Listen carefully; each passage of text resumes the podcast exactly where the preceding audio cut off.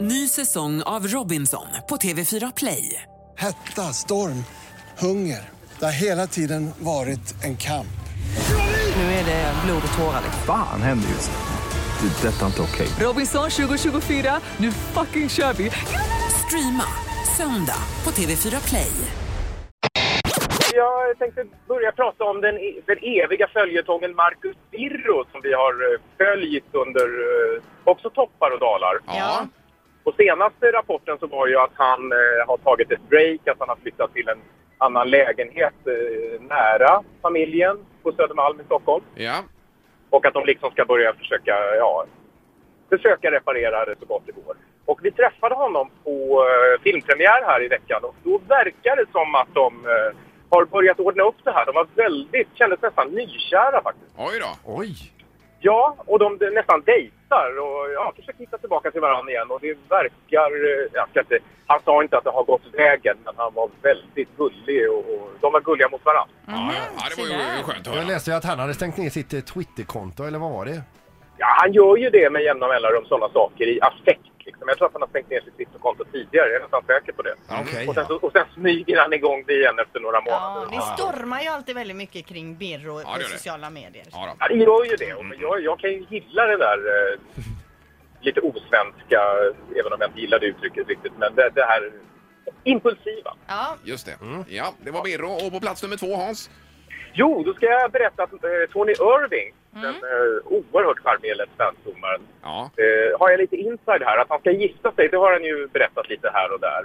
Eh, men han ska alltså göra, jag, och jag, jag pratade med honom och jag tror att han faktiskt har lärt sig lite av Laila Bagge som då gjorde precis tvärtom. Sålde sitt bröllop, stängde, stängde ute alla andra förutom de som hade betalat.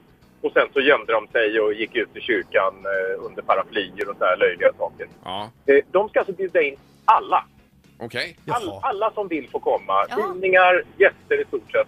Eh, och de ska ha afternoon tea eh, och det här sker någon gång i sommar. Jag tycker det är helt fantastiskt. Ja, ja. Afternoon, tea, afternoon tea förstod jag det som att om alla ska komma så kanske de inte kan bjuda på tre rätter från Operakällaren utan då Ja, då är just det. af- afternoon tea med lite Ja.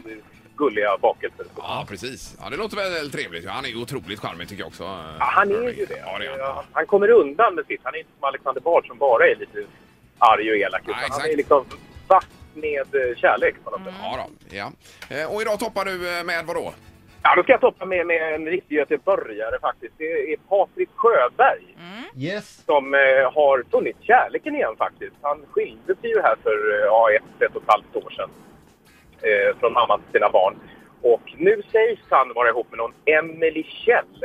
Okej.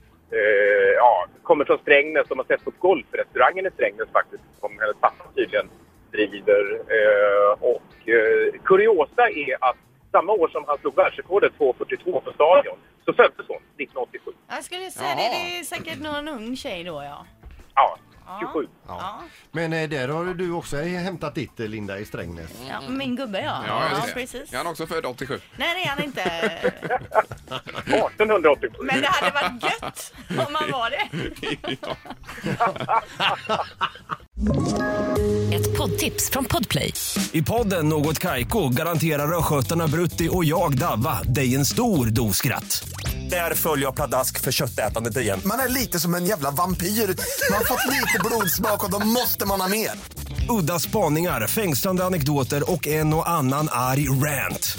Jag måste ha mitt kaffe på morgonen för annars är jag ingen trevlig människa. Då är du ingen trevlig människa, punkt. Något Kaiko, hör du på Podplay. Därför arkadeinerna.